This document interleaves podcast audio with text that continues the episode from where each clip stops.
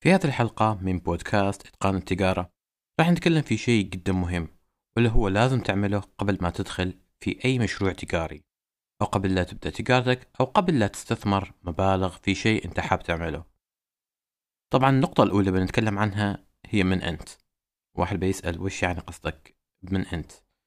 القصد هو في التجارة أو المشاريع التجارية تنقسم الأشخاص إلى ثلاث أقسام إما أنك تكون تاجر تحب الفلوس تحب الاستثمار تحب تعمل مخاطرة تحب تبتكر وتحب نفس الشيء أنك تغامر من مبالغك أو من استثماراتك أنت الشخصية أو عندك مثلا أفكار قيادية وأفكار خلاقة أنك فعليا تبدي مشروعك.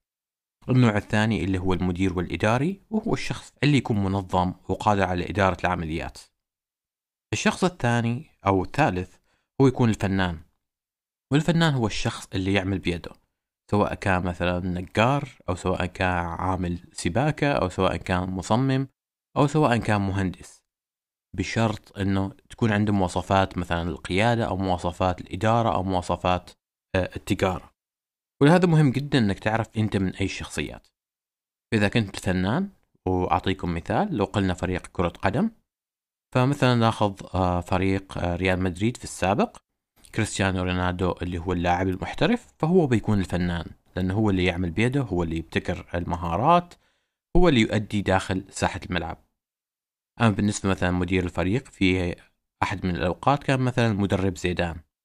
هو شاطر في العمليات في التكتيك آه، التكتيكات وفي كذلك قيادة الفريق ولكنه مش شرط إنه يكون تاجر وما شرط إنه يكون فنان ممتاز ولكن قدرته على الإدارة هي اللي تخليه من النوع الثاني واللي هو المدير. والنوع الثالث اللي هو صاحب الفريق أو مدير أو مالك الفريق اللي هو يخاطر ويغامر وهذا الشخص هو اللي بيكون التاجر.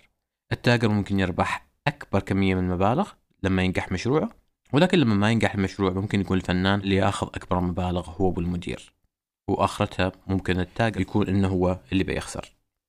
ناخذ أمثلة كبيرة شوية على أساس إن تتضح لنا الصورة.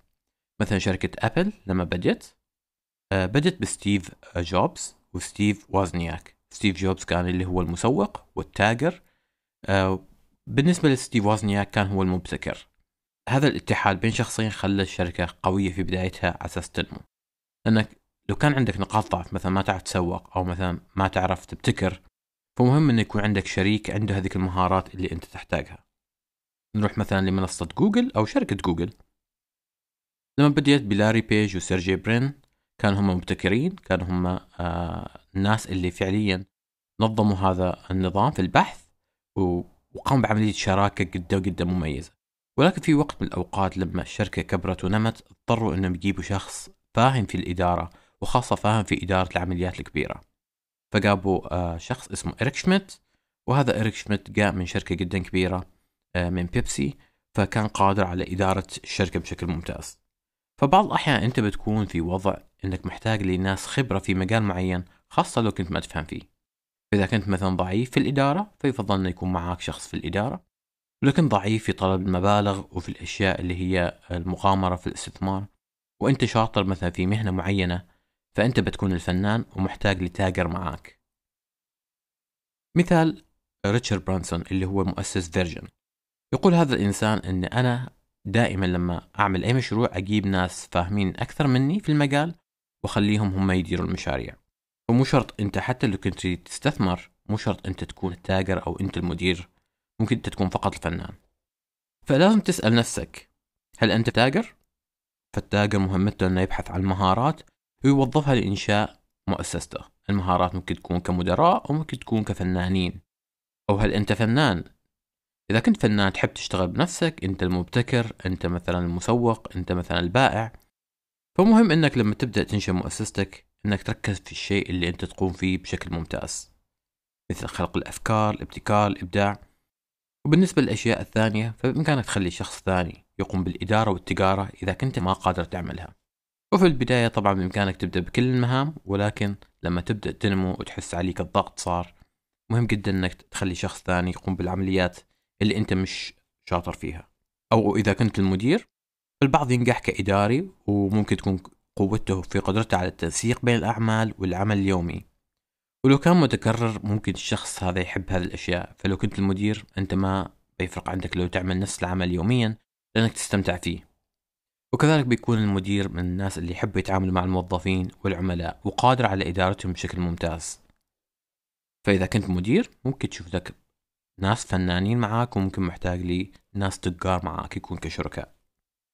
فهذه مهمة جدا. إما أنك تميز بين أنك تكون تاجر وتركز على هالموضوع أو ممكن أنك تكون فنان أو ممكن أنك تكون مدير. طبعا مهمة نقطة ثانية أنك ما تعرف فقط هذا الشيء ولكن لازم تعرف كل مواصفاتك. ونقصد مواصفاتك أنك وش الأشياء اللي تحبها وش الأشياء اللي تكرهها. لأنك إذا بتشتغل مثلا في مؤسسة أو بتكون مؤسسة فأنت بيكون جزء كبير من وقتك مبذول في هذا الشيء. فإذا كنت ضعيف في أشياء معينة ممكن هي تسبب في فشل مشروعك. فهناك بعض الاختبارات اللي تحدد مصادر قوتك ومصادر ضعفك إذا كنت طبعا ما تعرفها. فمثلا في اختبار اسمه Kolbe Index هذا الاختبار هو اختبار باللغة الإنجليزية يعطيك بعض الأسئلة كخيارات وأنت تختار الأسئلة اللي أقرب آه، بالنسبة لشخصيتك. وبعدها يقيمك على أربع خيارات. يقيمك على ال Fact Finder هو معرفة الحقيقة ال Follow Through بأنك قادر على المتابعة في المشروع. ال Quick Start أنك قادر على بدء المشاريع بسرعة. وكذلك يقيمك على ال Implementor أنك قادر على التطبيق. فهذا الاختبار أنا أخذته شخصيا وأعطاني يعني فاجأني فعليا بالنتائج اللي حصلتها وكانت مطابقة للأشياء اللي أنا أحبها وأشياء اللي ما أحبها بشكل كثير. كذلك هناك اختبار ثاني اسمه How to Fascinate وبإمكانك تدخل على howtofascinate.com ويعطيك 49 شخصية أو يسموها personality archetypes. طبعا من الشخصيات اللي بتحصلها بتحصل شخصيات في الإبداع في الشغف في القوة في البرستيج آه، في الثقة وكذلك في الغموض. فعندهم شخصيات كثيرة. فلما أخذت أنا مثلا الاختبار هذا فطلعت من الشخصيات اللي هي تسمى ال Maverick Leader. فيعطيك وش مواصفات ال Maverick Leader وش الأشياء اللي تركز فيها وش نقاط القوة الرئيسية عندك وش نقاط القوة الثانوية عندك؟ وهذا نفس الشيء يخليك إنك عارف وين تشتغل بشكل صحيح فيخلي نجاحك في مشروعك يعني أقرب للواقعية لأنك بتشتغل في الشيء اللي أنت ممتاز فيه. بعطيك مثال من شخصي محمد مساعدي الشخصية الرئيسية بالنسبة لي أنا فنان يعني أحب أعمل بيدي أحب أبتكر أحب أنه أقوم بعمليات تسويق المبيعات وغيرهم ولكن صفة التجارة هي صفة جانبية. فصحيح أني أحب الفلوس وأحب المبالغ آه على قولتهم الدراهم ولكن فعليا أنا أحب الابتكار أحب أني أقوم حاجة تفيد الزبائن حاجة تفيد الناس اللي أتعامل معاهم. فممكن بعض الأحيان أني أحتاج لمدراء يكون معي وممكن بعض الأحيان أحتاج لشركاء ماليين أو يقوم بعمليات التجارة وغيرهم. وطبعا هذا ما يعني أنك لو كنت فنان ما قادر على أنك تعمل تجارة ففي ناس مشهورين جدا وعندهم شركات بالمليارات مثل أنتوني روبنز وهم أصلهم فنانين لكن بإمكانهم يستعيدوا مع ناس آه، في الصفات الثانية اللي هم مش قويين فيها. وكذلك قبل لا تدخل في التجارة مهم أنك تسأل نفسك بعض الأسئلة. ومن ضمن هذه الأسئلة ما هي الأهداف الحقيقية وراء دخولك شخصيا لريادة الأعمال؟ لأنه هذه الأهداف هي اللي بتدفعك للاستمرار. لو عندك هدف مثلا أنك تصير مشهور فهذا اللي بيدفعك. لو عندك هدف أنه يكون عندك استقلال مالي فبتتذكر هذه الأهداف وهي فعليا اللي بتدفعك. حتى لو واجهتك بعض الصعاب بيكون أهدافك هي الدافع لك أنك تستمر. كذلك بإمكانك تكتب ما هي طموحاتك لشركتك أو مؤسستك. وليش هذه الطموحات تريدها؟ ليش أنت تريد تكون شركة فيها 100 موظف؟ ليش أنت تريد تكون شركة عالمية؟ ليش تريد تكون شركة في التعليم أو شركة في الأغذية. هل عندك طموحات تريد توصلها؟ وليش تريد توصلها؟ يعني لما بتوصل لهذا الطموح هل بيغير شيء في حياتك؟ هل بيغير شيء في قناعاتك؟ هل بيخليك مثلا سعيد في حياتك؟ وليش هذه السعادة بدك من هذا الشيء؟ طبعا لما تكتب أنت هذه الأشياء وتراجعها بعدين بتخلي إنه أو بتكتشف إن هذه الأشياء هي اللي بتدفعك للاستمرار. كذلك بامكانك تكتب بعض الأشياء مثل إنجازاتك الحالية اللي تفخر فيها سواء في عملك الخاص أو أي شيء أنت تعمله. حتى لو كنت في الكلية والله فخور إنك دخلت الكلية. فخور إنك تخصصت في التخصص اللي تحبه. فخور إنك سعيد مع عائلتك. فخور إنك اشتريت السيارة اللي تريدها. فخور إنك حصلت الوظيفة اللي تريدها. يعني ما شرط يكون إنجاز كبير. أي شيء فخور فيه أنت وتحس إنك إنجزت فيه وما شرط يكون حاجة خرافية مهم إنك تكتبها. لأنه هذا نفس الشيء اللي بيعطيك دافع أنه أنجزت أنت بعض الأشياء فبإمكانك تروح للمرحلة الثانية. وحتى لو ما أنجزت كلنا نبدأ من نقطة. فممكن تكون إنجازك أنك تستمع لهذا البودكاست وأنك تريد تبدأ في شيء له معنى بالنسبة لك في حياتك. كذلك بإمكانك تكتب ما هي التحديات التي تواجهها شخصيا الآن. ليش؟ لأنك لو ما عارف وش اللي بتواجهه حاليا كيف بتعرف تتغلب عليه؟ ولا إذا ما عارف المشاكل اللي ممكن تواجهها في مشروعك كيف بتقدر تعطيها الحلول؟ فمهم جدا تعرف التحديات ممكن المالية عندك مش ممتازة. ممكن ما عارف من وين تعمل تصدير للمنتجات اللي تريد تبيعها. ممكن المنافسين عددهم كبير. ممكن آه ما قادر تكون الشركة اللي انت تريدها بنفس المسمى التجاري وهو مهم بالنسبة لك. ممكن ما قادر تسجل براءة الاختراع. فما هي التحديات اللي تواجهها انت حاليا؟ سواء كانت شخصية أو سواء كانت في التجارة أو سواء كانت في أي مرحلة. ولهذا قبل لا تبدأ مشروع تجاري مهم إنك تفهم نفسك. وتكلمنا أنك لازم تفهم الأهداف اللي تريد توصلها تفهم الطموحات كذلك اللي تريد توصلها. الإنجازات اللي حاليا أنت قمت فيها وكذلك التحديات اللي ممكن تتوقع أنك تواجهها. التجارة بشكل عام 80% نفسي و20% مهارات. ونتكلم عن 80% نفسي بأن التحديات اللي بتصير معك بعدين بتكون معظمها تحديات نفسية أكثر من هي تحديات في التقنيات أو في المهارات أو حتى في التكنولوجيا. كل ما فهمت نفسك أكثر كل ما تحسنت في أعمالك. وهناك حاجة تسمى عقلة النجاح. عقلة النجاح هي عبارة عن أربع نقاط تبدأ بالإمكانيات أو المقدرة أو المهارة تتليها العمل والتنفيذ وبعدها يجي النتائج وثم الإيمان. وبشرح لك باختصار. أنت لما تريد تعمل أي شيء بتكون عندك مقدرة أو مهارة أو إمكانية معينة. لو رحت وعملت تنفيذ لهذا الشيء مثلا أنت رسام ورسمت لوحة وبعدين حاولت تبيع هذه اللوحة. اللوحة ما حد اشتراها أو الناس اشتروها أو عرضوا عليك مبالغ كان مبلغ جدا زهيد. فوش بيصير بقدرتك أنت وإيمانك بنفسك بتقل لأن النتائج اللي حصلت عليها نتائج قليلة. فهذا بيأثر مرة ثانية بنرجع للمقدرة والمهارة. فلو عملت رسمة ثانية أنت بتكون في داخلك شوي متشكك. عملت الرسمة رحت لإمكانيات مهارة قدرة رحت للتنفيذ عملت هذه الرسمة الثانية والنتائج مرة ثانية النتائج كانت ضعيفة. فهذا بيأثر عليك بإيمانك وبقدرتك بنفسك. يعني بتحس إنك مشكك في الموضوع إنك ممكن تنجح. وهذه عقلة النجاح هي الأساس. لو كانت عندك إمكانيات ومهارة ومقدرة فمهم لما تروح لعمل التنفيذ تعمله بأحسن وجه. تعمله بكل قدرتك بكل إمكانياتك. تعمله كأنه هي الفرصة الوحيدة بالنسبة لك. عشان تحصل على النتائج الممتازة. فلو كنت واثق من نفسك أن هذا الموضوع بينجح بتعمل عمل جبار بتعمل كل إمكانياتك عليه. ولهذا أكيد لما تحط كل طاقتك على عمل معين النتائج بتكون ممتازة. ولما تكون النتائج ممتازة إيمانك وثقتك بنفسك بيزيد. فلما تعمل هذه العقلة مرة ثانية بتلاحظ أنك فعليا بديت تتحسن. أنا من حضوري لدورات عالمية. حضرت مثلا دورات لأنتوني روبنز مثل Unleash the Power Within أيقظ قواك الداخلية فكانت كلها عن سيكولوجية كانت أن تخليك أنك تؤمن بنفسك بشكل كبير جدا وكذلك تؤمن بطاقاتك وقوتك الجبارة. يعني من ضمن الأشياء اللي خلوك أنك تعملها أنك تمشي على الفحم مشتعل. فأنت لما تمشي على النار أو على الفحم تحس نفسك أن حاجة كنت ما متوقع أنها أنها فعليا تقدر تعملها وحاليا عملتها. فيزيد ثقتك بنفسك. كذلك حضرت من نفس آه، المدرب. دورة اسمها Business Mastery وكانت من الدورات المكلفة كان فقط الدخول لها ما يقارب عشرة آلاف دولار. واللي اكتشفته فعليا هناك إنه أغلب التحديات أو العوائق سواء كانوا تجار صغار أو سواء كانوا تجار آه، مشاريعهم بالملايين كانت سيكولوجية وليست مصادر. لأن نفس التاجر لما يجلس يحاور المدرب هو يطلع الحلول بنفسه. فكان العائق معظمه عائق سيكولوجي أكثر مما هو يكون عائق كمهارات. لأن في داخلنا لو فكرنا بالحلول ممكن نستنتج الحلول اللي محتاجين إحنا أساس ينجح مشروعنا. فلهذا مهم جدا إنك سيكولوجيا تكون جدا جدا قوي. بعطيك بعض الأمثلة اللي هي فعليا أنا واجهتها.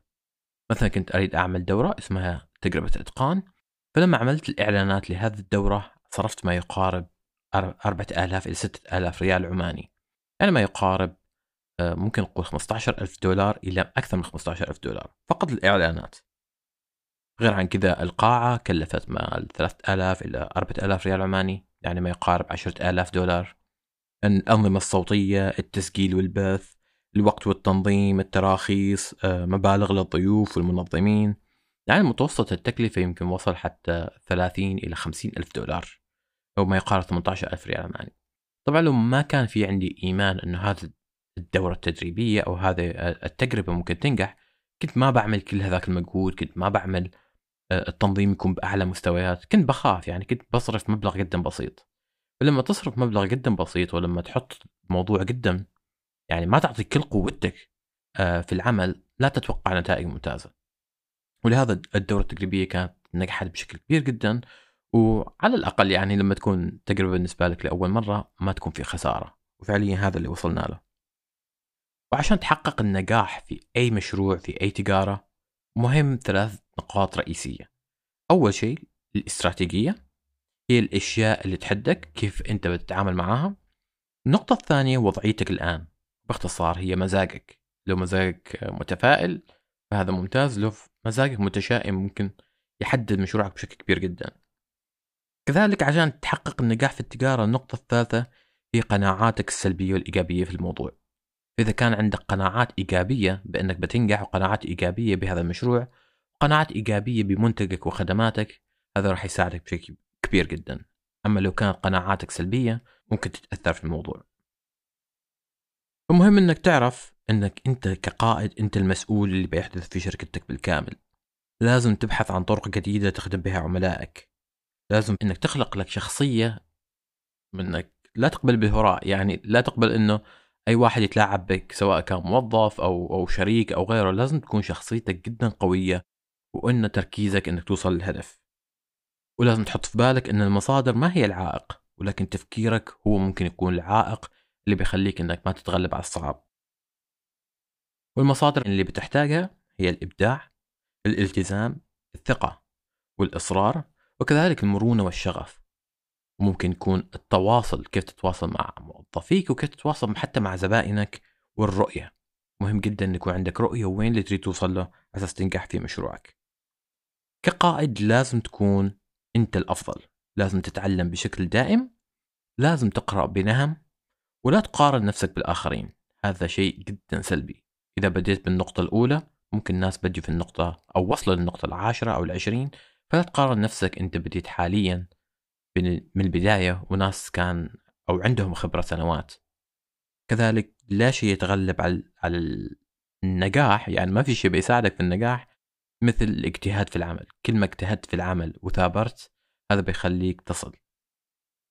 وكذلك أحط نفسك بناس إيجابيين ومميزين لأنهم بيساعدوك أنك تكون متفائل في الحياة متفائل في مشروعك وكذلك تتبادل الخبرات على أساس توصل في مشروعك.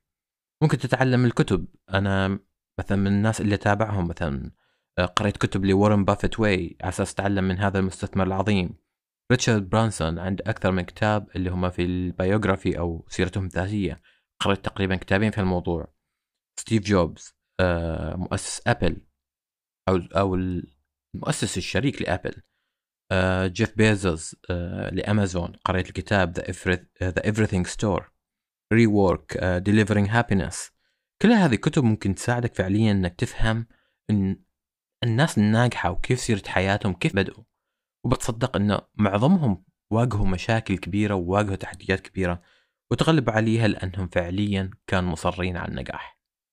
فأتمنى إن هذا البودكاست الأول إنه أفادك بشكل كبير جدا وأتمنى إنك تنشره على المنصات آه، سواء في الإنستغرام أو في الساوند كلاودز أو يعني باختصار انشر لأصحابك واتمنى إنك تستفيد.